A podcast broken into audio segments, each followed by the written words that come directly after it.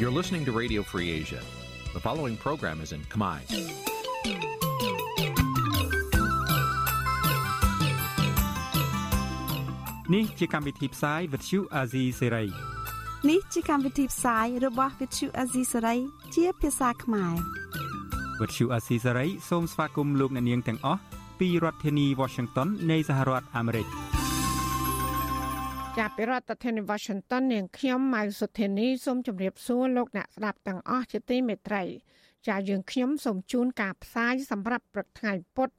15រោចដាច់ខែទុតិយាសាទឆ្នាំថោះបញ្ញស័កពុទ្ធសករាជ2567ហើយដល់ត្រូវនៅថ្ងៃទី16ខែសីហាគ្រិស្តសករាជ2023 ជាកិច្ចចាប់ផ្ដើមនេះនាងខ្ញុំសូមអញ្ជើញលោកអ្នកនាងកញ្ញាស្ដាប់ព័ត៌មានប្រចាំថ្ងៃ ដែលមានមេត្តាដូចតទៅ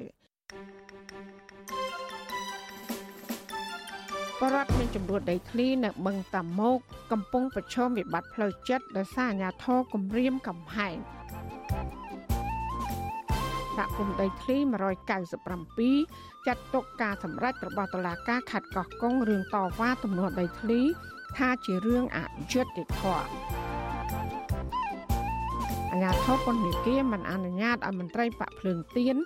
លោកតូចថងអាចព្យាបាលជំងឺភ្នែកនៅមន្ទីរពេទ្យខ្មែរសូវៀតបរដ្ឋបីចំណាស់សំទៀនតាមដងផ្លូវនៅភ្នំពេញទទូចអរដ្ឋាភិបាលផ្ដល់កិច្ចគាំពារសង្គមរួមនឹងព័ត៌មានសំខាន់សំខាន់មួយចំនួនទៀត ចាត់ជាបន្តទៅទៀតនេះនាងខ្ញុំម៉ៅសុធានីសូមជូនព័ត៌មានទាំងនោះពឺស្ដាប់ចាលោកនានីជាទីមេត្រីលោកអូនពាន់មនីរតបានកាន់តំណែងជារដ្ឋមន្ត្រីក្រសួងសេដ្ឋកិច្ចនិងហិរញ្ញវត្ថុចាប់តាំងពីរដ្ឋាភិបាលអាណត្តិទី5ឆ្នាំ2013ហើយនឹងបន្តកាន់តំណែងនេះនៅក្នុងរដ្ឋាភិបាលអាណត្តិទី7នេះដែលដឹកនាំដោយលោកហ៊ុនម៉ាណែតកូនប្រុសច្បងរបស់លោកហ៊ុនសែន លោកអូនពាន់មនីរតគឺជាមន្ត្រីជាន់ខ្ពស់មួយរូបក្នុងចំណោមមន្ត្រីមួយចំនួនទៀតដែលបានលបទៅទិញសញ្ជាតិបរទេសនៅឯប្រទេសស៊ីបទំនងជាត្រៀមរត់ចោលលោកហ៊ុនសែននៅឆ្នាំ2013តើរដ្ឋមន្ត្រីរូបនេះមានអ្វីលាក់បាំងពីផ្នែករបស់ប្រជាប្រដ្ឋខ្មែរនោះទៀតចាសសូមលោកនាងកញ្ញារងចាំស្ដាប់ជីវប្រវត្តិសង្ខេបរបស់លោកអូនពំនីរតនៅ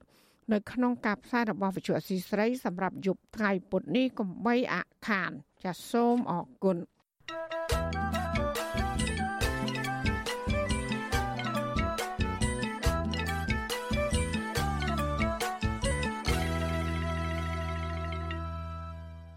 ចាលោកនានីជាទីមេត្រីប្រជាប្រដ្ឋមានចំនួនដីធ្លីរស់នៅក្បែរបឹងតាម៉ោកស្ថិតនៅក្នុងភូមិសំរោងត្បូងសង្កាត់សំរោងខណ្ឌព្រៃភ្នៅរាជធានីភ្នំពេញប្រឈមវិបត្តិផ្លូវចិត្តធ្ងន់ធ្ងរខណៈអាជ្ញាធរខណ្ឌនិងជនស្លៀកពាក់ស៊ីវិលតាមគម្រាមកំហែងដល់អាយុជីវិតមន្ត្រីសង្គមស៊ីវិលយល់ឃើញថាបញ្ហានេះគឺជាការរំលោភសិទ្ធិមនុស្សនិងធ្វើឲ្យប៉ះពាល់សតិស្មារតីរបស់ពលរដ្ឋចាពីរដ្ឋធានី Washington លោកទីនសាករាយារីកាអំពីបញ្ហានេះ ប្រជាសហគមន៍រងគ្រោះដោយធ្លីនៅក្នុងភូមិសំរោងត្បូងកំពុងរស់នៅដោយភាពភ័យខ្លាចនិងរងការធ្វើទុកបុកម្នេញទាំងផ្នែកជីវភាពនិងស្មារតីពួកគាត់អះអាងថាស្ថានភាពរស់នៅរបស់ប្រជាសហគមន៍សំរោងត្បូងសពថ្ងៃហាក់បីដូចជានៅសម័យសង្គ្រាមគ្មានសិទ្ធិសេរីភាពនិងគ្មានអាហារហូបចុកគ្រប់គ្រាន់ប្រជាពលរដ្ឋរស់នៅក្បែរបឹងតមោកលោកស្រីសៀដាវីប្រាប់វិទ្យុអសិរ័យនៅថ្ងៃទី15សីហាថាបច្ចុប្បន្ននេះលោកស្រីរស់នៅដូចស្លាប់ ដោយសារតែរងនៅភាពអយុត្តិធម៌និងគ្មានការជួយអន្តរាគមន៍ពីអាជ្ញាធរមានសមត្ថកិច្ចនោះឡើយលោកស្រីបន្តថាអាជ្ញាធរធ្វើទុកបុកម្នេញនិងលៀបពណ៌លោកស្រីថាចង់ធ្វើបដិវត្តផ្ដួលរលំរដ្ឋាភិបាលដោយសារតែលោកស្រីមិនព្រមទទួលយកការដោះដូរដីនៅទីតាំងថ្មីដែលអាជ្ញាធរកំណត់ឲ្យប៉ុន្តែបរដ្ឋមិនពេញចិត្តលោកស្រីសៀដាវីបន្តទាំងអ៊ូលដើមកថាលោកស្រីជាមនុស្សមិនមែនជាសត្វនោះទេដូច្នេះ លោកស្រីក៏ត្រូវការផ្ទះសម្បែងសម្រាប់ច្រកកោនដែរការជិះចាប់ផងពួកខ្ញុំខ្ញុំទៀមទារយុទ្ធធរពីថ្នាក់ដឹកនាំរដ្ឋាភិបាលឥឡូវចង់និយាយថាថ្នាក់ដឹកនាំខណ្ឌនិងក្រុងពួកយើងអស់ជំនឿហើយអញ្ចឹងវាមានតែដំណោះស្រាយតែមួយទេមានតែថ្នាក់ដឹកនាំដូចជានាយករដ្ឋមន្ត្រីហ្នឹងបានអាចជួយដល់ពួកយើងបានជួយអន្តរាគមន៍ពួកយើងបានបើអញ្ចឹងទេអត់មានអ្នកណាមកជួយពួកយើងទេពួកអីនៃការមកបន្តបន្តការគម្រាមកំហែងមានតែការដោះដូរមានតែចាមអារាមថាគេឈប់ផ្ទះ ព្រោះថាពួកយើងរាល់ថ្ងៃរស់ក្នុងការផិតភ័យរស់ក្នុងការភ័យព្រួយវាមិនមានសិទ្ធិជាម្ចាស់ផ្ទះជាម្ចាស់លំនៅឋានអញ្ចឹងពួកយើងមានការជិះចាប់ខ្លាំងបឹងតមោកគឺជាបឹងធម្មជាតិក្នុងចំណោមបឹងស្តុកទឹកធំធំនៅក្នុងរាជធានីភ្នំពេញមានទំហំជាង3000ហិកតាដែលមានបរិវត្តជាង300គ្រួសាររស់នៅអាស្រ័យផលលើបឹងនេះប៉ុន្តែបច្ចុប្បន្ននេះមានបរិវត្តមិនដល់200គ្រួសារផង កំពុងរស់នៅលើផ្ទៃដីទំហំ5ហិកតា ដោយសារតែអាជ្ញាធរបង្ខំឲ្យបរិវត្តទទួលយកសំណងបន្តិចបន្តួចដោយដោះដូរឲ្យទៅនៅទីតាំងថ្មី លើដីប្រឡាយចាស់នៅឆ្ងាយពីផ្លូវជាតិលេខ130ប្រមាណជា300ម៉ែត្រដែលធ្វើឲ្យពួកគាត់ពិបាកប្រកបមុខរបរចិញ្ចឹមជីវិត និងកូនចៅពិបាកធ្វើដំណើរទៅសាលារៀនប្រហាក់ប្រហែលគ្នាដែរពលរដ្ឋនៅបឹងតមោកម្នាក់ទៀតគឺលោកស្រីហេងស៊ីលៀបថ្លែងថាលោកស្រីព្រួយបារម្ភពីការបណ្ដឹងចេញពីលំនៅឋានទាំងបង្ខំ ពីព្រោះអាញាធរនឹងជនស្លៀកស៊ីវិលតែងតែមកគម្រាមកំហែងបំផិតបំភ័យជាបន្តបន្ទាប់លោកស្រីបន្តថាតំណាងសហគមន៍បឹងតមុកគឺលោកស្រីប្រាក់សុភា ពេលនេះប្រឈមនឹងបញ្ហាសុខភាព និងសវត្ថភាពដោយសារតែមានដីកាកោះហៅពីតុលាការឲ្យតំណាងសហគមន៍ចូលទៅបំភ្លឺជាច្រើនលើកច្រើនសារ ក្មេងនៅម្ដុំនេះសវោអត់អត់ទៅរៀនច្រើនណាស់គ្នាម្នាក់ម្នាក់កូនទៅ4 5ឡើងទៅលើទៅហើយគ្នាសេដ្ឋកិច្ចធ្លាក់ហើយគ្នារកតាមបឹងហ្នឹងរកអត់បានទៀតវាទៅឈរមុខខ្លាំងហ្មងហើយនឹងចំណាក់ស្រុកហ្នឹងច្រើនខ្លះនាំមេខ្យល់ចាញ់បោកមេខ្យល់ទៀតតន់បានទៅទៀតតែខ្លះខ្លះនៅនៅខ្លះហើយខ្ញុំនេះកូនក៏រៀនអត់បានចប់12ដែរឥឡូវកូនមួយធំរៀនកូរ៉េចំណាក់ស្រុកដែរខ្ញុំហើយកូន3ទៀតទៅទៅហ្នឹងនៅរៀន លោកស្រីប្រាក់សុភាគឺជាតំណាងសហគមន៍សំរងត្បូងបច្ចុប្បន្នលោកស្រីកំពុងតែសម្រាប់ព្យាបាលជំងឺនៅមន្ទីរពេទ្យមួយកន្លែងលោកស្រីប្រាក់សុភាតែងតែទទួលរងសម្ពាធនឹងការប្រាអំពើហិង្សាគំរាមកំហែងគ្រប់រូបភាពពីសំណាក់អាជ្ញាធរដោយសារតែការចេញមុខតវ៉ានិងការពៀសហគមន៍ពីការរំលោភបំពានលោកស្រីប្រាក់សុភាត្រូវបានតុលាការក្រុងភ្នំពេញចោទប្រកាន់ពីបទរំលោភកាន់កាប់អចលនវត្ថុដោយចេតនា និងប្រើហិង្សាលើអ្នកកាន់កាប់អចលនវត្ថុដោយសុចរិតប៉ុន្តែការចោទប្រកាន់នេះត្រូវបានលោកស្រីប្រាក់សភានិងសហគមន៍ច្រានចោលវិទ្យុអាស៊ីសេរីមិនអាចតាក់ទងអភិបាលខណ្ឌព្រៃភ្នៅលោកខឹមសំអាន និងអភិបាលរាជធានីភ្នំពេញលោកខួងស្រេងដើម្បីសំសួរអំពីបញ្ហានេះបានទេកាលពីថ្ងៃទី15សីហាជុំវិញនឹងបញ្ហានេះអ្នកនាំពាក្យសមាគមការពារសិទ្ធិមនុស្សអាត់ហុកលោកសង្សានករណាមានប្រសាសន៍ថា បញ្ហាវិវាទដីធ្លីនេះកំពុងតែធ្វើឲ្យប៉ះពាល់ដល់ជីវភាព និងសតិអារម្មណ៍របស់ប្រជាពលរដ្ឋលោកបន្តថាមូលហេតុដែលអាជ្ញាធរមិនព្រមដោះស្រាយបញ្ហានេះជូនប្រជាពលរដ្ឋឲ្យបានចាប់សពគ្រប់ប្រកបដោយយុត្តិធម៌គឺដោយសារតែអាចជាប់ពាក់ព័ន្ធទៅនឹងផលប្រយោជន៍បុគ្គលនិងអ្នកមានអំណាច។ អញ្ចឹងយើងមើលឃើញថាបញ្ហារបស់ប្រជាពលរដ្ឋណាពួកគាត់ដែលធ្លាប់អាស្រ័យផលរស់នៅក្នុងតំបន់នឹងទាំងប៉ុន្មានហ្នឹងបែរជាមិនមានការយកចិត្តទុកដាក់គិតគូរទេតែផ្ទុយទៅវិញបែរជាទៅដោះស្រាយឲ្យអ្នកដែលមានប្រាក់មានទួនាទីអំណាចទៅទទួលបានផលប្រយោជន៍នៅតំបន់ហ្នឹងទៅវិញអញ្ចឹងគិតថាប្រហែលជាករណីទាំងអស់នេះតំបន់នេះត្រូវបានអ្នកពាក់ព័ន្ធមួយចំនួនហ្នឹងមានការទទួលយកនៅផលអ្វីដែលជាការប៉ះពាល់នឹងវិវាទដែលកំពុងកើតមានឡើងហ្នឹង វិវាទដីធ្លីនៅតំបន់បឹងធមុកអស់បន្លាយពេលជិត5ឆ្នាំមកហើយប៉ុន្តែអាជ្ញាធរពាក់ព័ន្ធនៅតែមានវិធានការចំពោះបញ្ហានេះដោយសារតែភាគច្រើនអ្នកដែលទទួលបានដីសម្រាប់វិនិយោគទាំងនោះគឺជាខ្សែស្រឡាយរបស់មន្ត្រីក្រាក់ក្រាក់នៅក្នុងជួររដ្ឋាភិបាលដោយឡែកបរដ្ឋប្រឈមនឹងការបណ្តេញចេញពីសំណាក់អាជ្ញាធរមួយចំនួនត្រូវបង្ខំចិត្តចំណាក់ស្រុកខុសច្បាប់ដើម្បីរកការងារធ្វើនៅក្រៅប្រទេសនិងក្មេងៗមួយចំនួន បានបោះបង់ការសិក្សាងាកមកជួយរកប្រាក់ចំណូលគ្រប់គ្រងគ្រួសារក្នុងពេលបរិវត្តខ្លះទៀតកំពុងតែរងពាក្យបណ្ដឹងនៅតុលាការដែលឯងប្រឈមនឹងជាប់ពន្ធនាគារនៅស្របពេលដែលបរិវត្តនៅតំបន់បឹងតមោកកំពុងតែប្រឈមនឹងការបណ្ដឹងចេញនោះរដ្ឋាភិបាលលហ៊ុនសែនបែរជាកាត់ជ្រៀលដីបឹងតមោកឲ្យទៅមន្ត្រីនៅមគលមានលុយមានអំណាចទៅវិញជាក់ស្ដែងកាលពីដើមឆ្នាំ2023លោកនាយករដ្ឋមន្ត្រីហ៊ុនសែនបានកាត់ដី ទំហំជាង13ហិកតាឲ្យទៅទីប្រឹក្សាផ្ទាល់របស់លោក គឺលោកអង្ញាឡាញ់ភិរានឹងកាលពីឆ្នាំ2022លោកហ៊ុនសែនបានកាត់ដីបឹងតមោកទំហំ67ហិកតាឲ្យទៅលោកនុតតុនដែលជានាយកក្រុមហ៊ុនអូគីដេវីឡាក្រុមហ៊ុនអចលនទ្រព្យលក់បរិយផ្ទះល្វែងអូគីដេវីឡាត្រូវបានគេដឹងថាស្ថិតនៅក្រោមការគ្រប់គ្រងរបស់កូនស្រីបង្កើតលោកហ៊ុនសែនគឺអ្នកស្រីហ៊ុនម៉ាណា ខណៈកូនស្រីម្នាក់ទៀតគឺអ្នកស្រីហ៊ុនម៉ាលី មានភាគហ៊ុននៅក្នុងក្រុមហ៊ុននេះដែរក្រៅពីនេះនៅមានដីមួយចំនួនទៀតដែលលោកហ៊ុនសែនបានកាត់ឬដោះដូរទៅឲ្យស្ថាប័នរដ្ឋនិងអ្នកមានអំណាចដើម្បីឲ្យពួកគេសាងអគារបរិយវីឡាខុនដូនិងធ្វើជាកម្មសិទ្ធិឯកជន របាយការណ៍របស់អង្គការសមាគមធៀងថ្នោតបានចេញផ្សាយកាលពីខែកក្កដាបង្ហាញថារដ្ឋាភិបាលបានធ្វើអនុប្រយោគផ្ទៃដីបឹងតមោក មកជាទ្រព្យសម្បត្តិឯកជនរបស់រដ្ឋនិងប្រគល់ឲ្យអង្គការក្រុមហ៊ុនឯកជន និងស្ថាប័ននានាជាបន្តបន្ទាប់សរុបចំនួន70លើក ស្មើនឹងជាង2000ហិកតាប្រជាពលរដ្ឋនៅសហគមន៍បឹងតមោកដែលកំពុងមានចំនួនដីធ្លី និងប្រឈមនឹងការបដិញ្ញចេញទទូចឲ្យអាជ្ញាធរពាក់ព័ន្ធកាត់ជ្រៀលដីចំនួន5ហិកតានិងចេញប្លង់កម្មសិទ្ធិដីធ្លីជូនពលរដ្ឋជិត200គ្រួសារនិងមានផ្ទះ76ខ្នង ដើម្បីឲ្យពួកគាត់អាចរស់នៅដោយគ្មានការភ័យខ្លាចពួកគាត់អះអាងថាបច្ចុប្បន្ននេះផ្ទៃដីបឹងតមោកទាំងមូលពួកគាត់មិនអាចអាស្រ័យផលដោយពីពេលមុនបាននោះទេហើយបើសិនជាពួកគាត់ត្រូវបាត់បង់ដីផ្ទះសម្បែងមួយទៀតនោះគឺជាការប្រហារជីវិតពួកគាត់ទាំងរស់តែម្ដងខ្ញុំបាទទីនសាការីយ៉ាអាស៊ីសេរីប្រធានាធិបតី Washington ចាលោកដានីជាទីមេត្រីបរដ្ឋវ័យចំណាស់មួយចំនួន ដែលសំទានតាមដងផ្លូវនៅរាជធានីភ្នំពេញ ទទូចអរដ្ឋាភិបាលជួយផ្ដល់កិច្ចគាំពារសង្គមតាមរយៈការផ្ដល់បានក្រីក្រ ទីលំនៅសមរម្យនិងសេវាពិនិត្យសុខភាពដោយឥតគិតថ្លៃចាបរដ្ឋទាំងនោះថារាល់ថ្ងៃពួកគេរស់នៅវេទនាលំបាកដោយគ្មានអ្វីបរិភោគគ្រប់គ្រាន់ចំណែកឯការដេកពួនវិញគឺដេកតាមសម្រាប់ផ្ទះគេនិងតាមរបងវត្តចាសសេចក្តីរាយការណ៍ពុស្ដាអំពីរឿងនេះលោកណានៀងនឹងបានស្ដាប់នាពេលបន្តិចទៀតនេះ លោកណានៀងជាទីមេត្រីដំណើរធាននឹងស្ដាប់ការផ្សាយរបស់វិទ្យុអសីស្រី តាមបណ្ដាញសង្គម Facebook YouTube និង Telegram លោកណានៀងក៏អាចស្ដាប់ការផ្សាយរបស់យើង តាមរលក ធាតុអាកាសខ្លីឬ Shortwave តាមកម្រិតនិងកម្ពស់ដូចតទៅចាប់ពីព្រឹកចាប់ពីម៉ោង5កន្លះដល់ម៉ោង6កន្លះតាមរយៈប៉ុស SW 12.14 MHz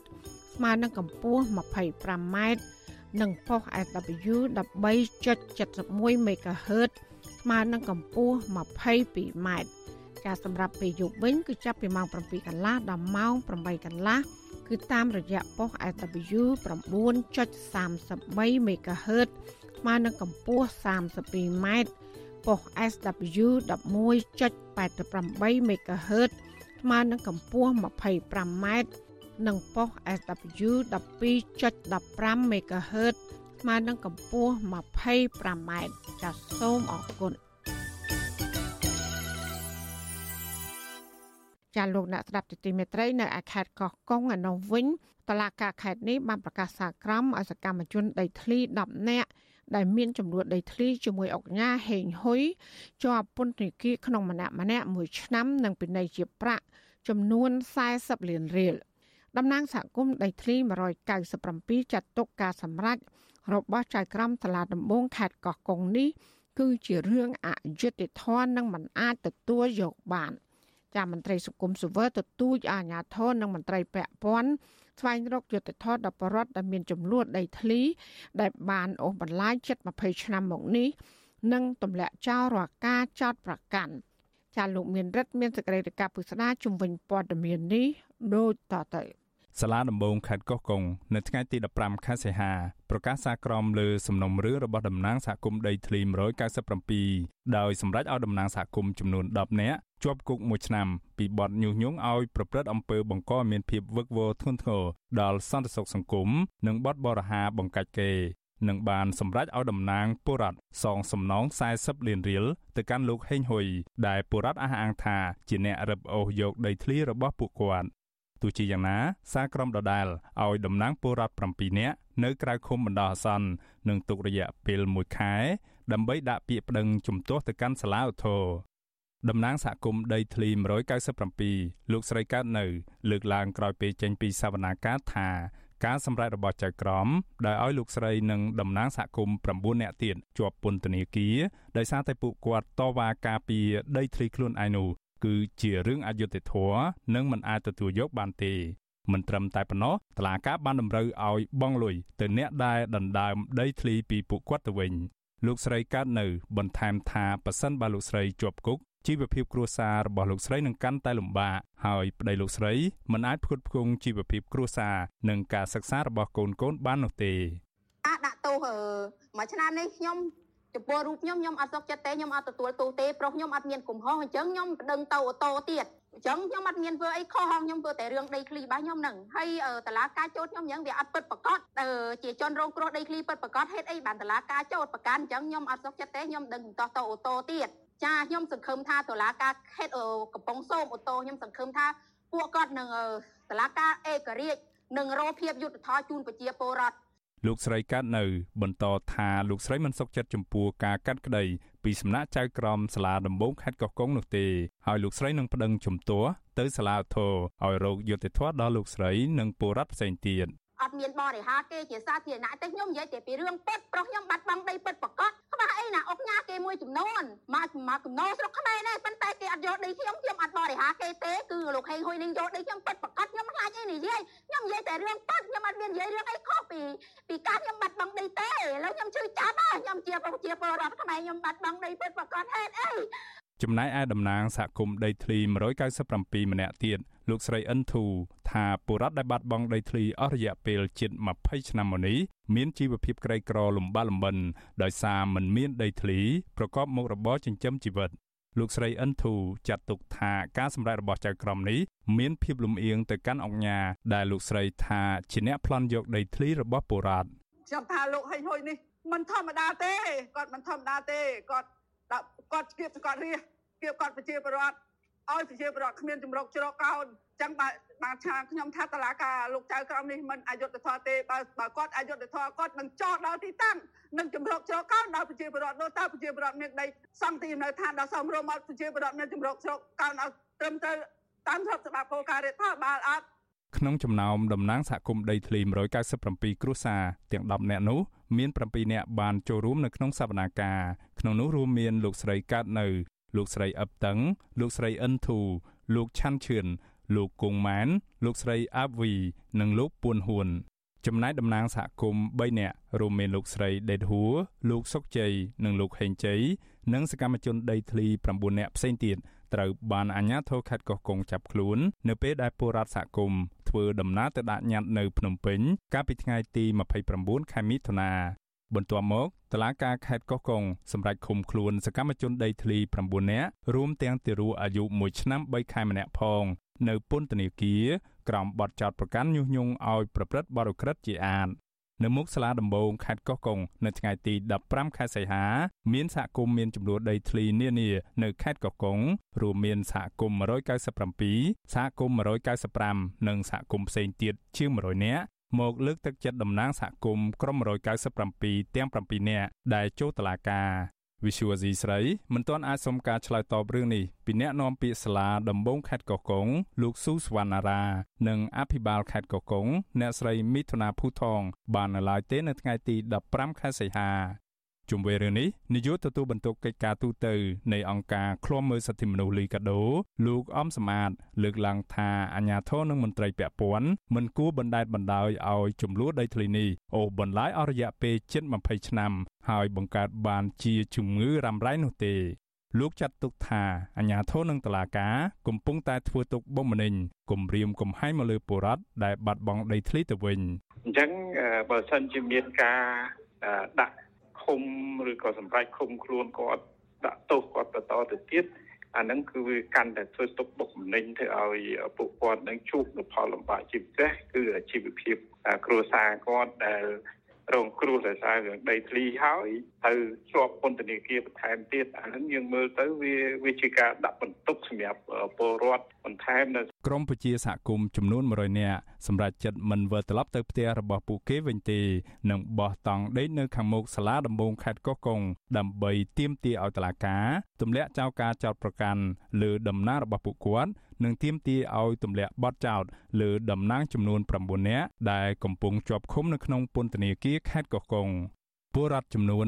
197គ្រួសារមកពីឃុំជីខលើ និងឃុំជីខក្រោមនៃស្រុកស្រែអំបិលតែងតែមកតវ៉ានៅរាជធានីភ្នំពេញជាបន្តបន្ទាប់ដើម្បីរកអន្តរាគមន៍ពីក្រសួងរៀបចំដែនដីនគររូបនីយកម្មនិងសំណង់និងក្រសួងស្ថាប័នរដ្ឋផ្សេងទៀតឲ្យជួយដោះស្រាយវិវាទដីធ្លីរបស់ពួកគាត់ដោយចោទថាក្រុមហ៊ុនហេងហ៊ុយបានរំលោភយកដីធ្លីរបស់ពួកគាត់តាំងពីឆ្នាំ2007មកម្ល៉េះ ខ្ញុំបានមេរិត Visual C ស្រីពីរដ្ឋធានី Washington ចាលោកនានីជាទីមេត្រីពាក់ព័ន្ធនឹងសកម្មជន ការពារដីធ្លីចំនួន10នាក់ដែលត្រូវបានតឡាការខេត្តកោះកុងកាត់ទោសពីបទញុះញង់ឲ្យប្រព្រឹត្តបទអក្រិតជាអាតដោយសារតែព្យាយាមតដាក់ញត្តិសុំអន្តរាគមន៍ពីរដ្ឋមន្ត្រីក្រសួងយុតិធម៌នោះគឺមានលោកស្រីផាងយើងផងដែរ ចាលោកស្រីផាងយើងកំពុងជាប់ឃុំជាមួយកូនស្រីតូចអាយុបានជាង1ខួបស្រាប់ពេលដែលសុខភាពលោកស្រីក៏មិនល្អដោយសារជាប់ឃុំទាំងទើបចេញពីមន្ទីរពេទ្យក្រោយពីការវះកាត់ព្យាបាលជំងឺច្រើនសាក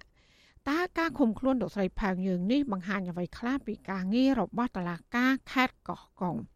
ចាសសេចក្តីរាយការណ៍ពីស្ដាមពីរឿងនេះលោកណានៀងនឹងបានស្ដាប់នាពេលបន្តិចទៀតនេះ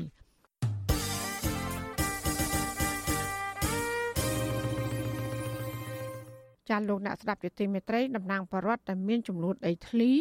ចំនួន229កុសានៅស្រុកសំឡូតខេត្តបាត់ដំបងដែលបានឡើងមកភ្នំពេញដើម្បីសុំកិច្ចអន្តរាគមន៍ដោះស្រាយវិវាទដីធ្លី និងដោះលែងសាច់ញាតិផងនោះបានត្រឡប់មកខេត្តបាត់ដំបងវិញហើយកាលពីថ្ងៃទី15ខែសីហាម្សិលមិញក្រោយពីអាជ្ញាធរខេត្តបាត់ដំបងបានដោះលែងតំណាងពួកគេទាំង5នាក់នោះ ឲ្យមានសេរីភាពឡើងវិញកាលពីរសៀលថ្ងៃទី14ខែសីហាហើយក្រោយដែលអាជ្ញាធររាជធានីភ្នំពេញសន្យាថានឹងដោះស្រាយវិវាទដីធ្លីរបស់ពួកគាត់លោកស្រីវិនរនត្រូវជាប្រពន្ធលោកងាត់ចន្ទថាដែលត្រូវបានតឡាការខេត្តបាត់ដំបងឃុំខ្លួន ក្រោមបទចោទរំលោភយកដីកម្មសិទ្ធិឯកជនរបស់រដ្ឋហើយដែលទៅត្រូវបានដោះលែងនោះប្រពន្ធស៊ីស្រីនៅថ្ងៃទី15ខែសីហា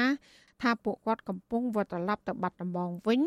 ប៉ុន្តែគ្មានកន្លែងជ្រកនោះទេហើយកំពុងតាក់ទងវត្តនៅក្រុងបាត់ដំបង ដើម្បីស្នើសុំស្នាក់នៅបណ្ដោះអាសន្ន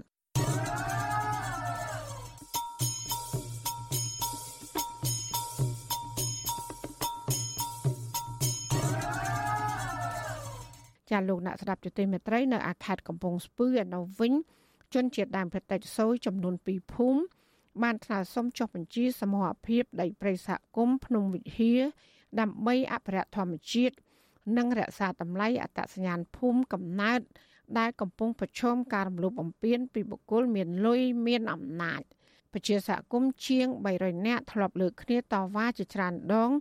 ដើម្បីទាមទារអាជ្ញាធរទប់ស្កាត់ការឈូសឆាយព្រៃអភិរក្សនេះក៏ប៉ុន្តែគ្មានបានផលចាលោកនៅវណ្ណរិនរាយការណ៍ព័ត៌មាននេះ ជនជាតិដើមភាគតិចសួយរាប់រយគ្រួសាររស់នៅក្នុងភូមិជំនប់និងភូមិដំបងវិញឃុំសង្កែសាទបស្រុកអរ៉ាខេត្តកំពង់ស្ពឺកំពុងអន្ទះសារក្នុងចិត្តខ្លាចក្រែងរបូតព្រៃសហគមន៍ភ្នំវិហារដែលមានទំហំជាង1000ហិកតា ជាព្រៃនៅសេសសល់ចុងក្រោយបង្អស់គៀកទៅនឹងលំនៅឋានរបស់ពួកគាត់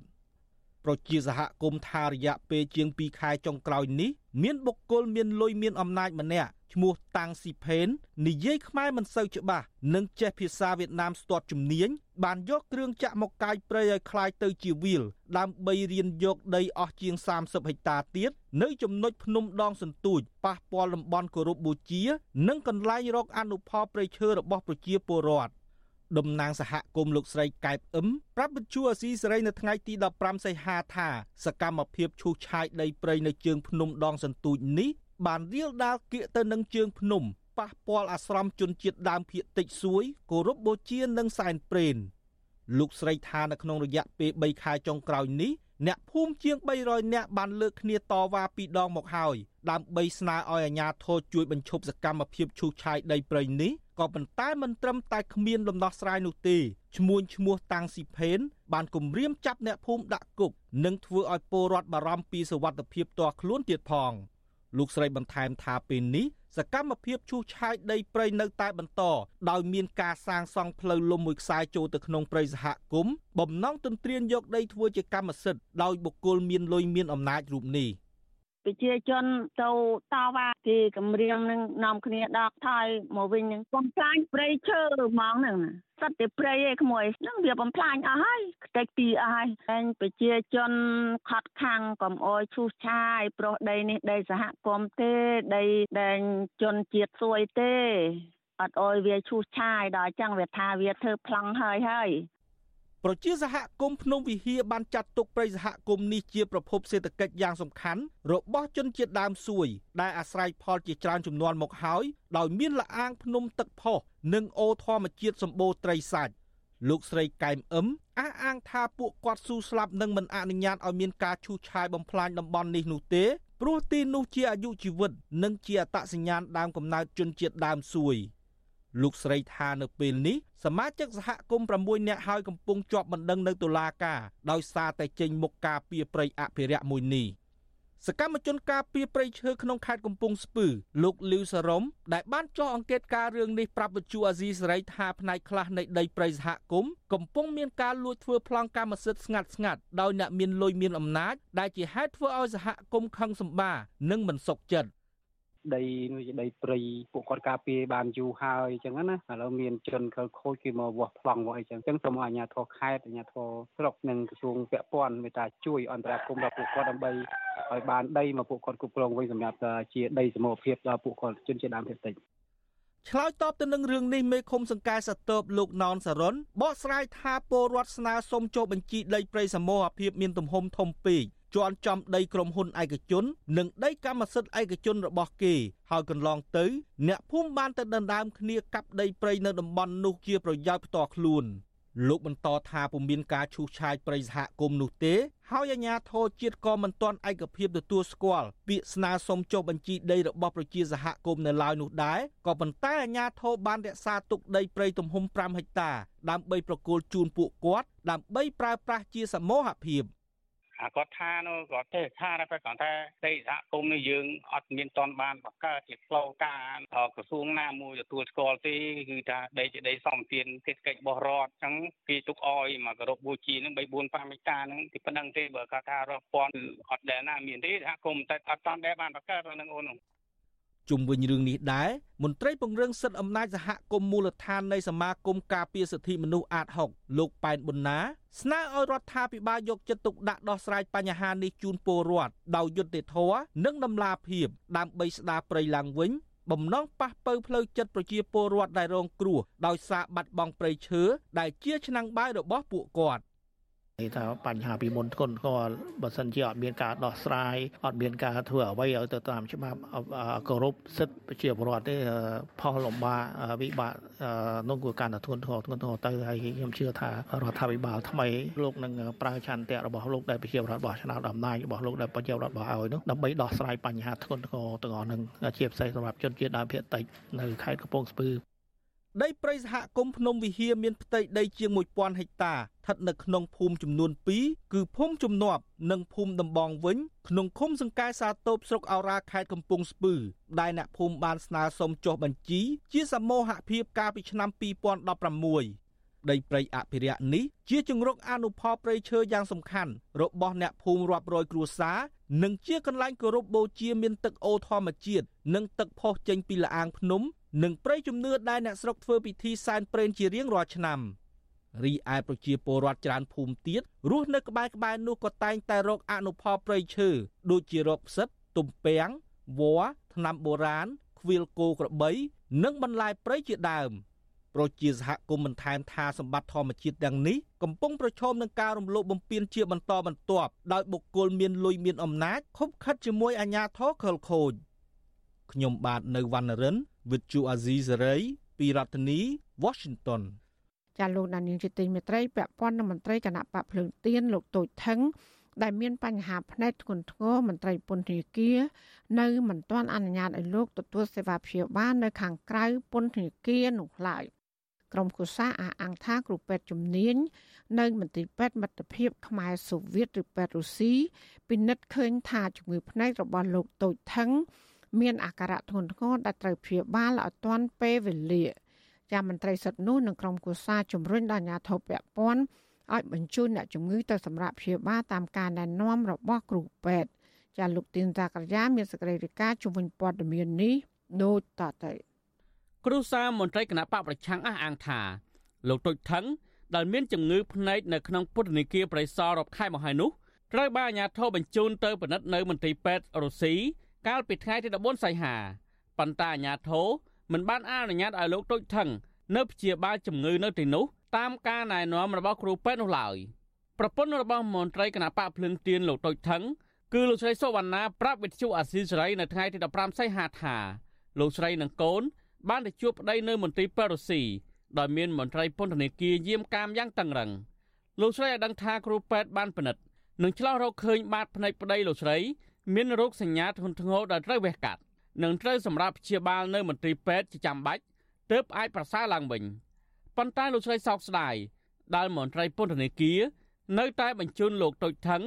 ឲ្យទៅនៅមន្ទីរឃុំឃាំងវិញដោយមិនព្រមឲ្យសម្រាប់ព្យាបាលជំងឺនៅមន្ទីរពេទ្យនោះឡើយក្រុមហេតុផលថាអាជ្ញាធរត្រូវរៀបចំឯកសារស្នើសុំបញ្ជូនអ្នកជាប់ឃុំមកសម្រាប់នៅមន្ទីរពេទ្យខាងក្រៅជាមុនសិន។ ខ្ញុំមិនព្រមខ្ញុំថាខ្ញុំចង់ឲ្យប្តីខ្ញុំមើលឆាប់ឆាប់ព្រោះពេទ្យគេនិយាយថាទុកយូរអត់បានទេផ្នែកគាត់ប្រត់ធ្លាយហើយហើមសាច់ហើយគេថតឯកសារយកឲ្យពន្ធនាគារមើលទាំងអត់ដឹងធ្វើម៉េចគាត់មិនព្រមយកទៅឥឡូវតែចិត្តបានមកវគ្គគេពិនិត្យថាគាត់ហ្នឹងគឺស្ងន់អញ្ចឹងខ្ញុំត្រូវតស៊ូយកគាត់ដេញមកឲ្យបានលឿនតិចបានមកវគ្គហើយឥឡូវនៅមកវគ្គចឹងក្រោយហ្នឹងត្រូវដេកពេទ្យមិនដឹងថាពន្ធនាគារហ្នឹងគាត់ឲ្យយើងដេកទៅមិនពូកអីចឹងណា លោកស្រីសវណ្ណាឲ្យដឹងទៀតថាលោកស្រីបានចូលសួរសុខទុក្ខប្តីនៅពន្ធនាគារនៅថ្ងៃទី15សីហានេះដោយភ្នែកប្តីលោកស្រី នៅតែធ្វើទុកឈឺចាប់គួរឲ្យព្រួយបារម្ភគណៈគ្រូពេទ្យទទូចឲ្យបញ្ជូនអ្នកជំងឺទៅព្យាបាលឲ្យឆាប់ដើម្បីកុំឲ្យមានផលវិបាកឬពិការភ្នែកជាដើមអ្នកស្រីសវណ្ណាអះអាងថា លោកតូចថងធ្លាប់បានវះកាត់ភ្នែកនិងត្រូវគ្រូពេទ្យតាមដានម្ដងរួចមកហើយ។ តែដោយសារអាញាធររបបលហ៊ុនសែនបានចាប់លោកតូចថងយកទៅឃុំនៅពន្ធនាគារគឺជាមូលហេតុដែលបណ្ដាលឲ្យលោកតូចថងមិនបានទៅពិនិត្យភ្នែកតាមការណែនាំរបស់គ្រូពេទ្យហើយការជាប់ឃុំនៅពន្ធនាគារនោះធ្វើឲ្យលោកឆ្លងមេរោគភ្នែកដែលធ្វើឲ្យឈឺម្ដងទៀតវិទ្យុអសិរ័យមិនអាចតតងแนะនាំពាក្យអគ្គនាយកដ្ឋានពន្ធនាគារនៃក្រសួងមហាផ្ទៃលោកនុតសាវណ្ណាដើម្បីសួរអំពីបញ្ហានេះបានទេនៅថ្ងៃទី15សីហា កន្លងមកសកម្មជន ប្រជាពលរដ្ឋនិងអង្គការផ្នែកសិទ្ធិមនុស្សមួយចំនួនធ្លាប់បានរិះគន់អាជ្ញាធររបបលហ៊ុនសែនជុំវិញនឹងការអនុវត្តស្តង់ដារ2ចំពោះអ្នកជាប់ឃុំដែលក្រីក្រ និងអ្នកមានលុយមានអំណាចអ្នកជាប់ឃុំក្រីក្រនិងអ្នកទោសមនសិការមិនងាយទទួលបានការអនុញ្ញាតពីសមត្ថកិច្ចឲ្យចេញព្យាបាលនៅមន្ទីរពេទ្យខាងក្រៅឡើយទោះជាពួកគេមានជំងឺធ្ងន់ធ្ងរឬក៏ស្នើសុំជាច្រើនដង បែបណាក្តីផ្ទុយទៅវិញអ្នកជាប់ឃុំខ្លះដែលជាអក្រិតជន តែមានលុយមានអំណាចទទួលបានការអនុញ្ញាតឲ្យសម្រាប់ព្យាបាលរយៈពេលវែងនៅមន្ទីរពេទ្យខាងក្រៅពន្ធនាគារច្បាប់ស្តីពីពន្ធនាគារមាត្រា38ចែងថាជនជាប់ឃុំដែលមានជំងឺត្រូវបានទទួលសេវាថែទាំសុខភាពជាប្រចាំដោយមន្ទីរពេទ្យពន្ធនាគារករណីជនជាប់ឃុំដែលមានជំងឺធ្ងន់ហើយតម្រូវឲ្យសង្គ្រោះបន្ទាន់នៅមន្ទីរពេទ្យនៅខាងក្រៅប្រធានពន្ធនាគារត្រូវអនុញ្ញាតបញ្ជូនអ្នកជំងឺទៅមន្ទីរពេទ្យជាបន្ទាន់ តាមសំណើរបស់គ្រូពេទ្យនៅពន្ធនាគារហើយត្រូវជូនដំណឹងជាបន្ទាន់ដល់អគ្គនាយកដ្ឋានពន្ធនាគារអភិបាលនៃគណៈអភិបាលរាជធានីខេត្តនិងគ្រូសាសាច់ញាតិឬមិត្តភ័ក្តិជិតស្និទ្ធបំផុតតាមសំណើរបស់ជនជាប់ឃុំជំវិញនឹងរឿងនេះនាយកទទួលបន្ទុកកិច្ចការទូតទៅនៃអង្គការលីកាដូលោកអំសំអាត មានប្រសាសន៍ថាជនជាប់ឃុំត្រូវមានសិទ្ធិទទួលបានសេវាព្យាបាលសុខភាពដោយប្រជាពលរដ្ឋដទៃទៀតដែរលោកបន្តថាបើសិនជាគ្រូពេទ្យជំនាញនៅមន្ទីរពេទ្យខាងក្រៅ តម្រូវឲ្យលោកតូចថងត្រូវសម្រាប់ព្យាបាលជំងឺគឺអាជ្ញាធរត្រូវតែអនុវត្តតាមការណែនាំរបស់គ្រូពេទ្យពីព្រោះបញ្ហាជំងឺភ្នែកដែលទទួលបានការព្យាបាលយឺតយ៉ាវអាចប៉ះពាល់ដល់សុខភាពឬខូចភ្នែករបស់ជនជាប់ឃុំខ្ញុំយល់ថាឯកសារយឺតបានប៉ុន្តែការព្យាបាលហើយនឹងសុខភាពមនុស្សជីវិតមនុស្សវាសំខាន់ភ្នែកក៏ជារឿងសំខាន់ណាអាចព្យាបាលមិនទាន់ពេលវេលាគាត់អាចខូចភ្នែកឃើញអីទៅអញ្ចឹង យើងជាអង្គការសង្គមស៊ីវិលក៏ចង់ឃើញថាធ្វើបាច់អានីតិវិធីក្នុងការបញ្ជូនទៅការព្យាបាលទៅធ្វើឲ្យបានទាន់ពេលវេលាហើយនឹងការព្យាបាលឲ្យបានទាន់ពេលលោកតូចថងមានដើមកំណត់ខ្មែរក្រមគឺជាអតីតសមាជិកក្រុមការងារគណៈបកសង្គ្រោះជាតិប្រចាំនៅខេត្តកំពង់ចាមកាលពីឆ្នាំ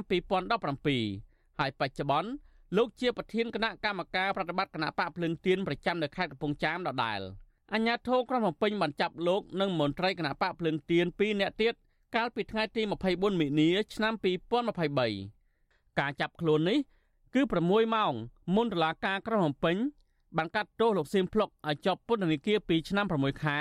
ចំណែកឯលោកនិងសមាជិកគណៈបកភ្លើងទៀន2នាក់ទៀតត្រូវបានតុលាការកាត់ទោសឲ្យជាប់ពន្ធនាគារ2ឆ្នាំពីបទក្លែងបន្លំឯកសារក្នុងការបង្កើតគណៈបកបេដងជាតិកាលពីឆ្នាំ2021 ទោះជាយ៉ាងណាសហគមន៍ជាតិនិងអន្តរជាតិចាត់ទុកការផ្ដន្ទាទោសនិងឃុំខ្លួននេះគឺជារឿងនយោបាយខ្ញុំម៉ាទីនសាការីយ៉ាអាស៊ីសេរីប្រធានាធិបតី Washington ចាលោកនាយកជាទីមេត្រីក្រុមគុតកោនៃក្រុមហ៊ុនបនលបៃ Nagavel ប្រមាណ40នាក់នៅថ្ងៃទី15ខែសីហាបន្តធ្វើគុតកម្មនៅខាងមុខក្រុមហ៊ុន ក្នុងការតវ៉ាលើកនេះក្រុមគុតកោបានកាន់សិភៅច្បាប់ ស្ដីពីការងារដើម្បីបង្ហាញថាក្រសួងការងារមិនបានប្រើច្បាប់នេះទេមកដោះស្រាយវិវាទការងារប៉ុន្តែបែរជាលំអៀងទៅខាងតកែក្រុមហ៊ុន ដែលមានលុយនិងរំលោភច្បាប់ការងារទៅវិញតំណាងគឧតកោ Nagawer លោកស្រីមុំសវៈធិនប្រាប់បច្ចុប្បន្នស៊ីស្រីនៅថ្ងៃទី15ខែសីហាថាកម្ពុជាជាប្រទេស ដែលមានច្បាប់ត្រឹមត្រូវមិនមែនជាប្រទេសដែលគ្មានច្បាប់ទម្លាប់នោះឡើយដូច្នេះលោកស្រីក៏បានថ្នើដល់ក្រសួងការងារយកច្បាប់ការងារមកអនុវត្តដើម្បីដោះស្រាយវិវាទការងារនៅពេលនេះក្នុងនាមបងជាកម្មករដែលកំពុងរងគ្រោះបងស្នើសុំដល់ក្រសួងការងារគុំបង្កើតមកដើម្បីតាំងពីពណ៌បងចង់ឲ្យក្រសួងការងារមានទំនួលខុសត្រូវអាចរោគយុទ្ធធរឲ្យកម្មករ ព្រោះបើសិនជាក្រសួងការងារបង្កើតឡើងដើម្បីតែកាន់ជើងថៅកែបងក៏ថាមិនបាច់បង្កើតក្រសួងល្អជាងរំលាយក្រសួងការងារចោលទៅកុំឲ្យខាតថវិកាជាតិអញ្ចឹងណាបច្ចុប្បន្នស៊ីស្រីនៅពុំទាន់អាចតតងแนะនាំពាក្យក្រសួងការងារលោកហេងសួរដើម្បីឆ្លើយតបចំពោះការលើកឡើងនេះបានទេនៅថ្ងៃទី15ខែសីហាក្រុមគឧតកោនៃក្រុមហ៊ុនបនលបែងកាស៊ីណូ Naga World បានធ្វើកតកម្មទាមទារឲ្យតកែក្រុមហ៊ុននិងរដ្ឋាភិបាលដោះស្រាយវិវាទការងារ អស់រយៈពេលជិត2ឆ្នាំមកហើយក៏ប៉ុន្តែនៅមិនទាន់មានដំណោះស្រាយនៅឡើយផ្ទុយទៅវិញអាជ្ញាធរបានចាប់ប្រកាន់លើតំណាងគឧតកោនិងបានផ្ដន្ទាទោសពួកគេចន្លោះពី1ឆ្នាំទៅ2ឆ្នាំក្រោមបទចោទញុះញង់បង្កឲ្យមានភាពវឹកវរធ្ងន់ធ្ងរដល់សន្តិសុខសង្គមចាលោកនានីទីមេត្រីសកម្មជនការពារដីធ្លីលោកស្រីផាងយើងកំពុងជាប់ឃុំក្នុងពន្ធនាគារខេត្តកោះកុង ក្រោយដែលតឡាការនេះបានចាប់ប្រកាន់ពីបទញុះញង់ឲ្យប្រព្រឹត្តបទអក្រិតជាអាតដោយសារតែព្យាយាមតដាក់ញត្តិសុំអន្តរាគមន៍ពីរដ្ឋមន្ត្រីក្រសួងយុតិធម៌បន្ថែមពីនេះតឡាការខេត្តកោះកុងបានកាត់ឲ្យលោកស្រីផៅយើង ជាប់ពន្ធនាគារ1ឆ្នាំ និងបង់ជំងឺចិត្តចំនួន40លានរៀលឬជិត10000ដុល្លារក្រោមបណ្ដឹងផ្សេងមួយទៀតដែលប្តឹងដោយអ្នកមានលុយមានអំណាចម្នាក់គឺលោកអុកញ៉ាហេងហ៊ុយ អ្វីដែលគួរឲ្យសង្វេគនោះគឺលោកស្រីកំពុងជាប់ឃុំជាមួយកូនស្រីតូចអាយុបានជាង1ខួបស្រាប់ពេលដែលសុខភាពរបស់លោកស្រីក៏មិនល្អព្រោះត្រូវជាប់ឃុំទាំងទើបចេញពីមន្ទីរពេទ្យក្រោយឆ្លងកាត់ការវះកាត់ព្យាបាលជំងឺជាច្រើនសាកតើការឃុំខ្លួនលោកស្រីផាងយើងនេះបង្ហាញអ្វីខ្លះពីការងាររបស់តុលាការខេត្តកោះកុង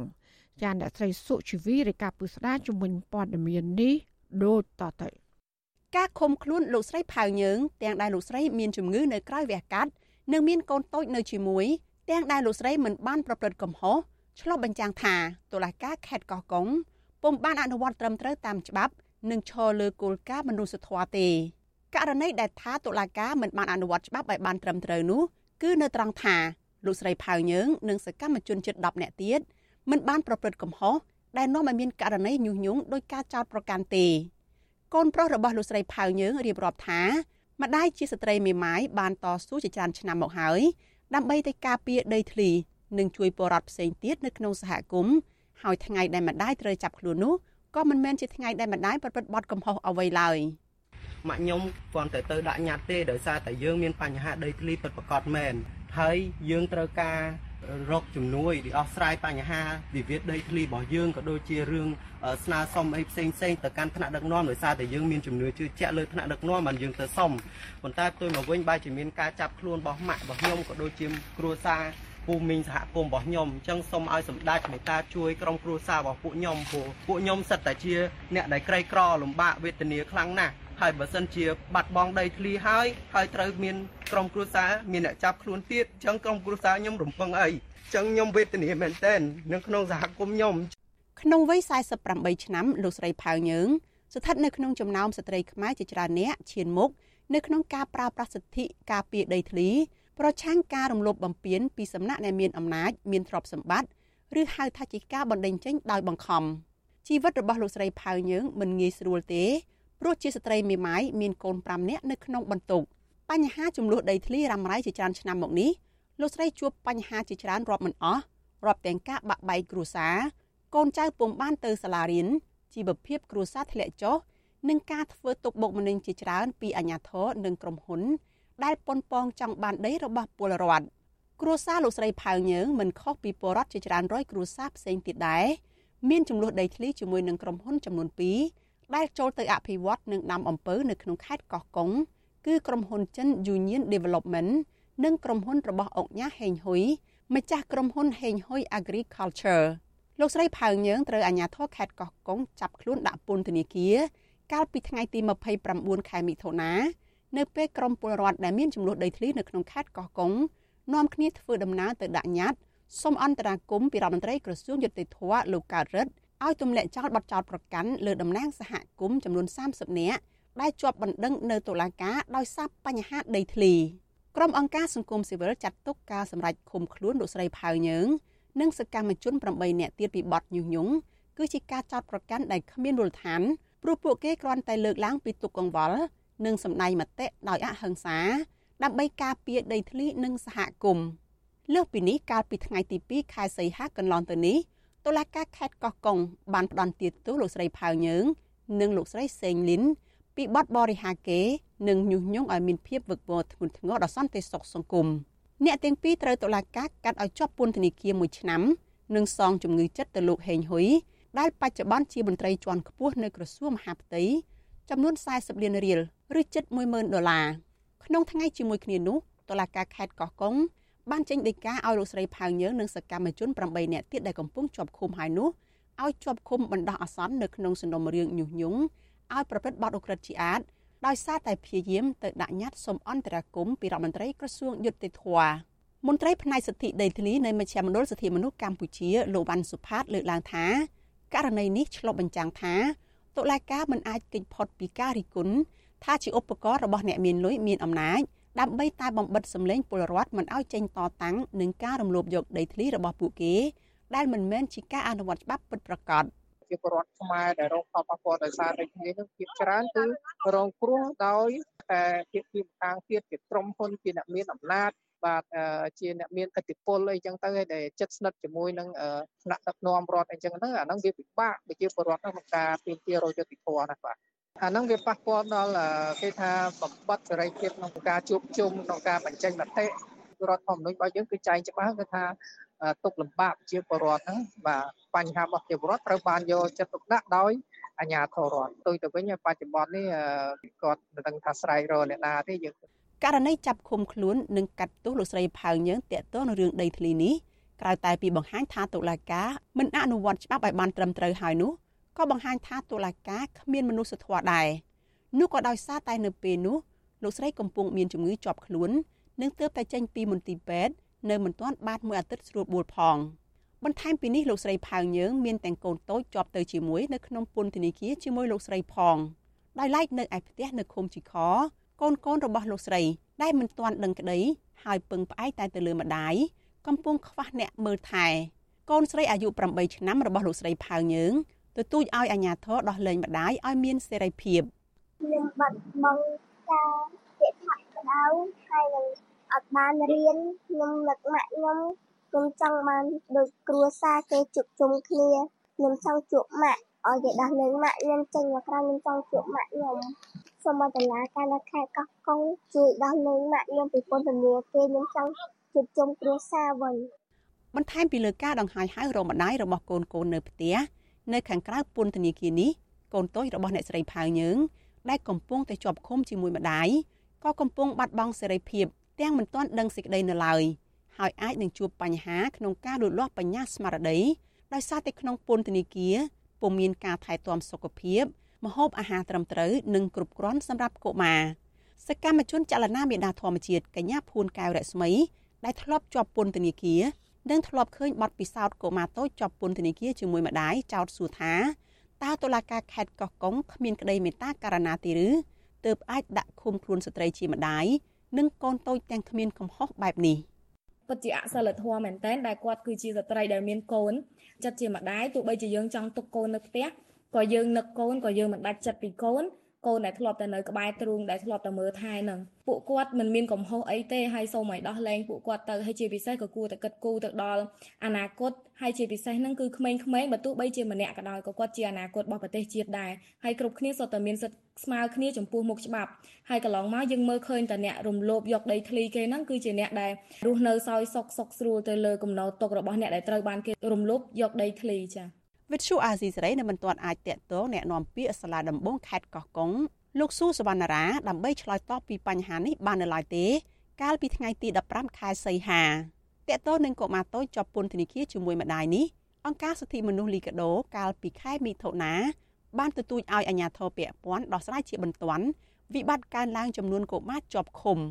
អង្គការលីកាដូរកឃើញថាមានកុមារជិត100នាក់កំពុងរស់នៅជាមួយម្ដាយនៅក្នុងពន្ធនាគារ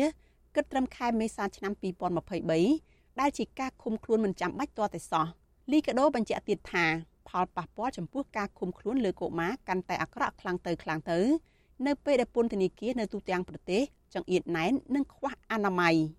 នាយកទទួលបន្ទុកកិច្ចការទូតនៃអង្គការលីកាដូលោកអំសំអាតលើកឡើងថាតុលាការខេត្តកោះកុង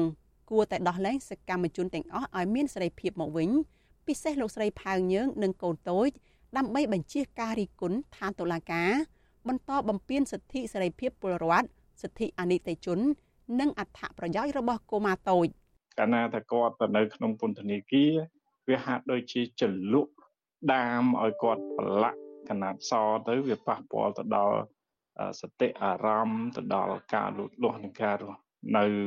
ធម្មធាត់របស់គាត់ទៅទៀតបើសិនជាគាត់នៅតាមម្ដាយនឹងយូរណាអានឹងជាបញ្ហាមួយដែលយើង មិនចង់ឃើញទេបាទតកតទៅនឹងការតស៊ូដើម្បីសិទ្ធិដីធ្លីនេះលោកស្រីផៅយើងបានដឹងច្បាស់ថាលោកស្រីអាចនឹងត្រូវចាប់ខ្លួនដាក់ពន្ធនាគារនៅថ្ងៃណាមួយហើយលោកស្រីធ្លាប់អះអាងនៅមុនពេលត្រូវអាជ្ញាធរឃុំខ្លួនថានឹងមិនផ្លាស់ប្ដូរជំហរទេព្រោះលោកស្រីចង់បានត្រឹមតែយុត្តិធម៌សម្រាប់ជនរងគ្រោះដោយលោកស្រី ដែលពុំមានចេតនាញុះញង់ណាមួយដោយការចោទប្រកាន់នោះឡើយ។ គេចោទប្រកាន់ខ្ញុំថាខ្ញុំញញងសួរថាបងប្អូនទាំងអស់នោះគាត់មានខួរក្បាល1គីឡូ2ខាំដូចខ្ញុំអត់ចាំបាច់ខ្ញុំទៅញញងគាត់ដែរទេបើពួកគាត់សិតតែយល់ដឹងអំពីសិទ្ធិខ្លួនគាត់ហើយដូចតវ៉ាថ្ងៃមុននេះសួរថាខ្ញុំអ្នកទៅតវ៉ាអត់ទេគឺប្រជាពលរដ្ឋពួកគាត់ទៅពួកគាត់ខ្លួនឯងវិចអង្គវិចបាយពោកូនពោចៅទៅពេលដែលមានកន្លែងណាគេដេញចាប់គេប្រមាថកាត់ទៀនពួកខ្ញុំគេថារកឃើញញើងជិះឡានណាទៅមួយមកវិញចេញពីការចាប់ខ្លួនអីឲ្យ ឲ្យវាចាប់គុកអីណាវាទៅតវ៉ាដើម្បីមេហោមេគុនធាអីណាការពិតពួកយើងអត់បានគិតអញ្ចឹងទេបើសិនខ្ញុំជាតែខ្ញុំទៅតវ៉ាដែរព្រោះវាជារឿងអយុត្តិធម៌មួយដែលចោទថាមានទោសក្បត់ជាតិអីបដិវត្តកសិករអីណាពួកខ្ញុំជាកសិករមានកំភ្លើងយន្តពីណានាងខ្ញុំសុជីវីវិទ្យុអាស៊ីសេរីពីរដ្ឋធានី Washington ាលោកដានីជាទីមេត្រីក្នុងឱកាសនេះដែរនាងខ្ញុំសូមថ្លែងអំណរគុណ ដល់លោកអ្នកនាងកញ្ញាទាំងអស់ដែលតែងតែមានភក្ដីភាពចំពោះការផ្សាយរបស់យើងហើយចាត់ទុកការស្ដាប់វិទ្យុអសីសេរី គឺជាផ្នែកមួយនៃសកម្មភាពប្រចាំថ្ងៃរបស់លោកអ្នកការគ្រប់គ្រងរបស់លោកអ្នកនាងនេះហើយដែលធ្វើយើងខ្ញុំមានទឹកចិត្តកាន់តែខ្លាំងថែមទៀតក្នុងការស្វែងរកនិងផ្តល់ព័ត៌មានជូនដល់លោកអ្នកនាងចាំមានអ្នកស្ដាប់អ្នកទេសនាកាន់តែច្រើនកាន់តែធ្វើយើងខ្ញុំមានភាពស្វាហាប់មោះមុតជាបន្តទៀត។ ចាយើងខ្ញុំសូមអរគុណទុកជាមុនហើយក៏សូមអញ្ជើញលោកដានៀងកញ្ញាចូលរួមជំរុញឲ្យសកម្មភាពផ្ដល់ព័ត៌មានរបស់យើងនេះកាន់តែជោគជ័យបន្ថែមទៀតលោកដានៀងអាចជួយយើងខ្ញុំបានដោយគ្រាន់តែចុចចែករំលែកឬ share ការផ្សាយរបស់យើងនេះនៅលើបណ្ដាញសង្គម Facebook និង YouTube ទៅកាន់មិត្តភ័ក្តិដើម្បីឲ្យការផ្សាយរបស់យើងនេះបានទៅដល់មនុស្សកាន់តែច្រើនចាសសូមអរគុណ ចាលោកនានីជាទីមេត្រីប្រជាប្រដ្ឋវ័យចំណាស់មួយចំនួន ដែលសំទានតាមដងផ្លូវនៅរាជធានីភ្នំពេញទទូចរដ្ឋាភិបាលជួយផ្ដល់កិច្ចគាំពារសង្គមតាមរយៈការផ្ដល់បានក្រីក្រទីលំនៅឋានសំរុំនិងសេវាពិនិត្យសុខភាពដោយឥតគិតថ្លៃប្រជាប្រដ្ឋទាំងនោះថារាល់ថ្ងៃពួកគេរស់នៅវេទនាលំបាកគ្មានអ្វីបរិភោគគ្រប់គ្រាន់ហើយចំណែកការដេកពួនវិញ គឺដេកតាមសម្រាប់ផ្ទះគេនិងតាមរបងវត្តលោកយ៉ងច័ន្ទរារាជការពុស្រាជំវិញស្ថានភាពដ៏លំបាករបស់បរដ្ឋវ័យចំណាស់ចំណាស់ទាំងនោះដូចតទៅបើគេធ្វើដំណើរឆ្លងកាត់តាមរង្វង់មូលផ្លូវបែកជា4ដែលស្ថិតនៅប៉ែកខាងកើតផ្សារអូរុស័យនៅក្នុងរាជធានីភ្នំពេញគេអាចប្រទះឃើញស្ត្រីវ័យចំណាស់ម្នាក់មានមាឌធំសក់ស្កូវមួយមួយ និងមានសាច់ឈាមស្លេកស្លាំង ពេលខ្លះអង្គុយលើចិញ្ចើមផ្លូវនិងពេលខ្លះទៀតដើរសុំទាននៅទីនោះស្ត្រីវ័យចំណាស់រូបនេះមានឈ្មោះថានីណាមេត មានស្រុកកំណើតមកពីខេត្តព្រៃវែងកំពុងអង្គុយសុំទាននៅលើចិញ្ចើមផ្លូវលោកស្រីនីណាមេតរៀបរាប់ប្រាប់វិទ្យុអាស៊ីសេរីទាំងទឹកភ្នែកថាលោកស្រីសម្រេចចិត្តមកទីនេះដើម្បីដើរសុំទានគេក្រែងបានថវិកាខ្លះទិញបាយហូបដោយសារតែលោកស្រីពុំមានមុខរបរ ខណៈដែលខ្លួនឯងក៏កំពុងឈឺដើរពុំកើតលើកអ្វីធ្ងន់ពុំបានលោកស្រីឲ្យដឹងថាជាញឹកញាប់លោកស្រីរស់នៅតាមសម្យាផ្ទះគេខ្លះនិងតាមរបងវត្តខ្លះពីព្រោះពុំមានទីលំនៅច្បាស់លាស់លោកស្រីឲ្យដឹងទៀតថារាល់ថ្ងៃលោកស្រីរស់នៅដោយពឹងទៅលើការដើរសុំទានគេនៅតាមដងផ្លូវនៅក្នុងរាជធានីភ្នំពេញទោះស្ថិតនៅក្រោមកម្ដៅថ្ងៃក្តៅខ្លាំងនិងដំណក់ទឹកភ្លៀងក៏ដោយលោកស្រីមានកូនចំនួន5នាក់ក៏ប៉ុន្តែកូនទាំងនោះបានបែកបាក់គ្នាអស់ហើយ ធ្វើឲ្យលោកស្រីរស់នៅតែម្នាក់ឯងតែតោលគ្មានទីពឹងស្ត្រីវ័យ58ឆ្នាំរូបនេះទទូចដល់រដ្ឋាភិបាលឲ្យជួយគិតគូរដល់លោកស្រីតាមរយៈការផ្ដល់កិច្ចគាំពារសង្គមផ្សេងផ្សេងដូចជាផ្ដល់បានក្រីក្រ ទីលំនៅសមរម្យនិងផ្ដល់សេវាពិនិត្យសុខភាពដោយឥតគិតថ្លៃ សូមមានផ្ទះនៅមួយហើយសូមសូមមកសម្បត្តិគេក៏ឲ្យមួយមកគាត់បើកលុយគឺហូបប្រាក់ខែគេបើបាក់ដល់សូមគេក៏ភ្លៀងគេអត់សូមអត់បានទេភ្លៀងនេះសូមអត់បានហូបទេអត់បាយហើយអត់ភ្លៀងគាត់មកហើយខែនឹងខែភ្លៀងតិចតិចភ្លៀងតិចតិចភ្លៀងមិនបានលុយតិចមកហូបទេទៅចាំមិនអត់បាយបងនេះលោកស្រីនីណាមេតឲ្យដឹងទៀតថាលោកស្រីមានជំងឺសន្លាក់ខ្លួនដើរពុំត្រង់មានសភាពឆាប់អស់កម្លាំងនិងនឿយហត់ លោកស្រីថាបញ្ហានេះដោយសារតែពុំសូវមានអាហារបរិភោគគ្រប់គ្រាន់ហើយពេលខ្លះលោកស្រីសុំលុយគេមិនបានក៏ដើររើសចំណីដែលគេបោះចោលនៅលើសម្រាមយកមកបរិភោគគ្រាន់បញ្ឈប់ការស្រែកឃ្លានមួយគ្រានៅក្នុងរាជធានីភ្នំពេញគេឃើញមានកុមារមនុស្សពេញវ័យស្ត្រីមានកូនខ្ចីអ្នកគ្មានកាយសម្បទាគ្រប់គ្រាន់និងមនុស្សវ័យចំណាស់ជាច្រើនអ្នកបានដើរសុំទាននៅតាមដងផ្លូវតាមផ្សារនិងតាមភោជនីយដ្ឋានផ្សេងផ្សេងអ្នកសុំទានទាំងនោះ ភ ieck ច្រើនជាក្រុមមនុស្សដែលពុំមានទីលំនៅច្បាស់លាស់និងតែងយកសញ្ញាផ្ទះប្រជាពលរដ្ឋទីវត្តអារាម និងសួនសាធារណៈធ្វើជាទីជម្រកស្នាក់នៅប្រចាំថ្ងៃរបាយការណ៍ចេញផ្សាយដោយកម្មវិធីអភិវឌ្ឍរបស់អង្គការសហប្រជាជាតិហៅកាត់ថា UNDP កាលពីថ្ងៃទី11ខែកក្កដាឆ្នាំ2023បង្ហាញថាប្រទេសកម្ពុជាមានប្រជាពលរដ្ឋក្រីក្រចំនួនជាង16%ឬគិតជាតួលេខមានប្រមាណជាង2លាននាក់ នៅក្នុងចំណោមប្រជាពលរដ្ឋខ្មែរសរុបជាង16លាននាក់អ្នកសុំទានម្នាក់ទៀតឈ្មោះពៅផល មានស្រុកកំណើតនៅខេត្តស្វាយរៀងនិងបានមកសុំទាននៅរាជធានីភ្នំពេញអស់រយៈពេល7ឆ្នាំមកហើយនោះលើកឡើងថាជារៀងរាល់ថ្ងៃលោកចេញសុំទានចាប់ពីម៉ោង7ព្រឹករហូតដល់ពេលយប់ដោយសារតែជីវភាពខ្វះខាតបរិះវ័យ50ឆ្នាំនិងមានសុខភាពទ្រុឌទ្រោមខ្លាំងរូបនេះបន្តថាលោកអាចសុំទានបានពី20000រៀលទៅ30000រៀលក្នុងមួយថ្ងៃគ្រាន់បានទិញចំណីអាហារ និងចិញ្ចឹមម្ដាយឈឺនៅជាមួយលោកបន្តទៀតថាចាប់តាំងពីលោកដើរសំទានអស់រយៈពេល7ឆ្នាំមកនេះលោកត្រូវបានអាជ្ញាធរចាប់ខ្លួនបញ្ជូនទៅកាន់មណ្ឌលព្រៃស្ពឺចំនួន2លើកមកហើយនិងត្រូវបានដោះលែងវិញក្រោយអាជ្ញាធរឲ្យធ្វើកិច្ចសន្យាឈប់ដើរសំទានបន្តទៀតទោះជាយ៉ាងណាលោកពៅផលបញ្ជាក់ថាលោកពុំអាចឈប់ដើរសំទានបានទេពីព្រោះលោកគ្មានលុយនឹងទិញបាយហូបបរិះសម្បល់ខ្មៅស្រអែមមានជំងឺប្រចាំកាយរូបនេះ ចង់ឲ្យអាជ្ញាធរពាក់ព័ន្ធជួយគិតគូរព្យាបាលជំងឺដល់រូបលោកឲ្យជាសះស្បើយនិងផ្ដល់ការគាំពារសង្គមដល់រូបលោកវិទ្យុអាស៊ីសេរីមិនអាចតាក់ទងแนะនាំពាក្យក្រសួងសង្គមគិច្ចអតីតយុទ្ធជន និងយុវនីតិសម្បទាលោកតូចចាន់នីនិងแนะនាំពាក្យរដ្ឋាភិបាលថ្មីលោកប៉ែនបូណាដើម្បីបកស្រាយរឿងនេះបាននៅឡើយទេ នៅថ្ងៃទី15ខែសីហាដោយទូរស័ព្ទចូលជាច្រើនលើក តែពុំមានអ្នកទទួល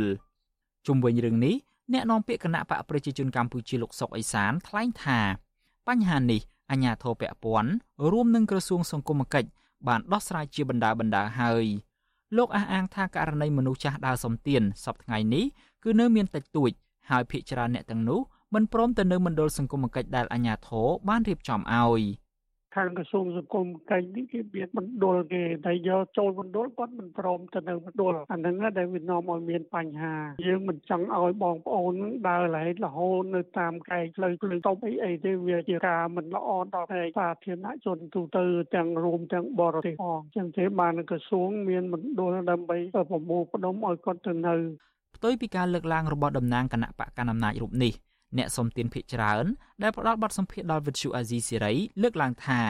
អញ្ញាធិបពពន់ពុំបានព្យាយាមដោះស្រាយបញ្ហាជីវភាពជូនពួកគាត់នោះទេផ្ទុយទៅវិញបែរជាគំរាមកំហែងនិងចាប់ពួកគាត់យកទៅឃុំខ្លួនទៅវិញពួកគាត់ភ័យខ្លាចអាជ្ញាធរចាប់ខ្លួនបញ្ជូនទៅនៅមណ្ឌលព្រៃស្ពឺ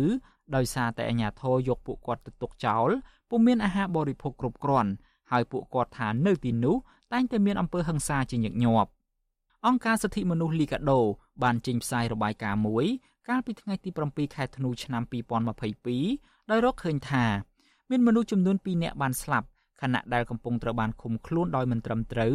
នៅមណ្ឌលសង្គមគិច្ចព្រៃស្ពឺក្នុងខែសីហាឆ្នាំ2022ដដែលនោះក៏ឃើញមានភស្តុតាងបង្ហាញថាមនុស្សជាង10នាក់បានស្លាប់នៅក្នុងចំណោមអ្នកជាប់ឃុំទាំងអស់នៅក្នុងមណ្ឌលនៅចន្លោះខែកក្កដានិងខែសីហាឆ្នាំ2022 របាយការណ៍ដដែលបង្ហាញទៀតថាមនុស្សដែលត្រូវបានឃុំខ្លួននៅមណ្ឌលព្រៃស្ពឺភ ieck ច្រើនគឺជាក្រុមមនុស្សដែលមិនត្រូវបានគេអើពើដូចជាជនអនាថាអ្នកសំទានអ្នកប្រើប្រាស់គ្រឿងញៀននិងអ្នកប្រកបរបរផ្លូវភេទជាដើម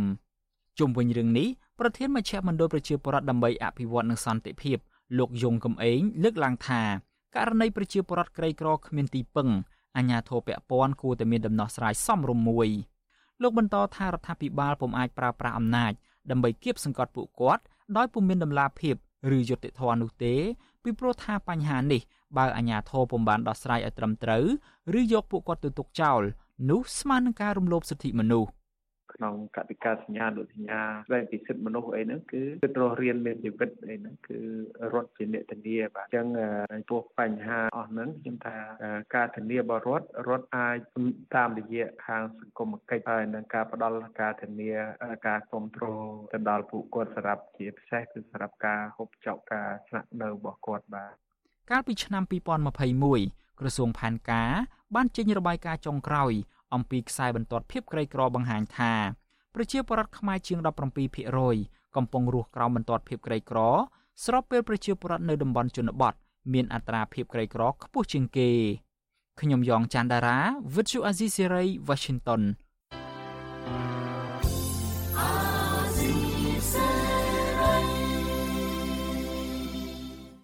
ចាលោកលានាងកញ្ញាអ្នកស្ដាប់ជាទីមេត្រីការផ្សាយរយៈពេល1ម៉ោងរបស់វិទ្យុអាស៊ីស្រីជាភាសាខ្មែរនៅពេលនេះចាប់តែប៉ុណ្ណេះ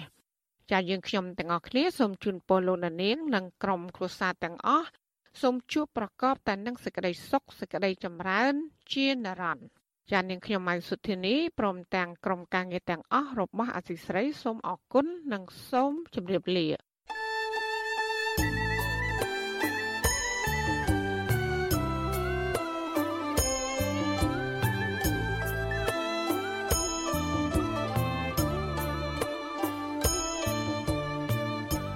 វិទ្យុអាស៊ីសេរីផ្សាយតាមរលក ធាតុអាកាសខ្លីតាមកម្រិត និងកម្ពស់ដូចតទៅនេះពេលព្រឹកចាប់ពីម៉ោង5កន្លះដល់ម៉ោង6កន្លះតាមរយៈប៉ុស SW 12.14 MHz ស្មើនឹងកម្ពស់ 25m និងប៉ុស SW 13.71 MHz ស្មើនឹងកម្ពស់ 22m ពេលយប់ចាប់ពីម៉ោង7កន្លះដល់ម៉ោង8កន្លះតាមរយៈប៉ុស SW 9.33 MHz ស្មើនឹងកម្ពស់ 32m ប៉ុស SW 11.88 MHz ស្មើនឹងកម្ពស់ 25m និងប៉ុស SW 12.15 MHz ស្មើនឹងកម្ពស់ 25m លោកអ្នកនាងក៏អាចស្ដាប់និងទស្សនាការផ្សាយផ្ទាល់នៅលើគេហទំព័ររបស់ Vuthu Azizi Saray តាមរយៈអាស័យដ្ឋាន rfa.org/ ខ្មែរក្រៅពីនេះលោកអ្នកនាងក៏អាចអាននិងទស្សនាព័ត៌មាន Vuthu Azizi Saray លើទូរស័ព្ទដៃរបស់លោកអ្នកផ្ទាល់ សូមលោកអ្នកនាងដំឡើងកម្មវិធី Vithu Azisari នៅលើទូរស័ព្ទដៃរបស់លោកអ្នកនាងឬស្វែងរក Vithu Azisari នៅលើ YouTube ឬ Facebook ដោយស្វែងរកពាក្យថា Vithu Azisari ឬ RFA ខ្មែរ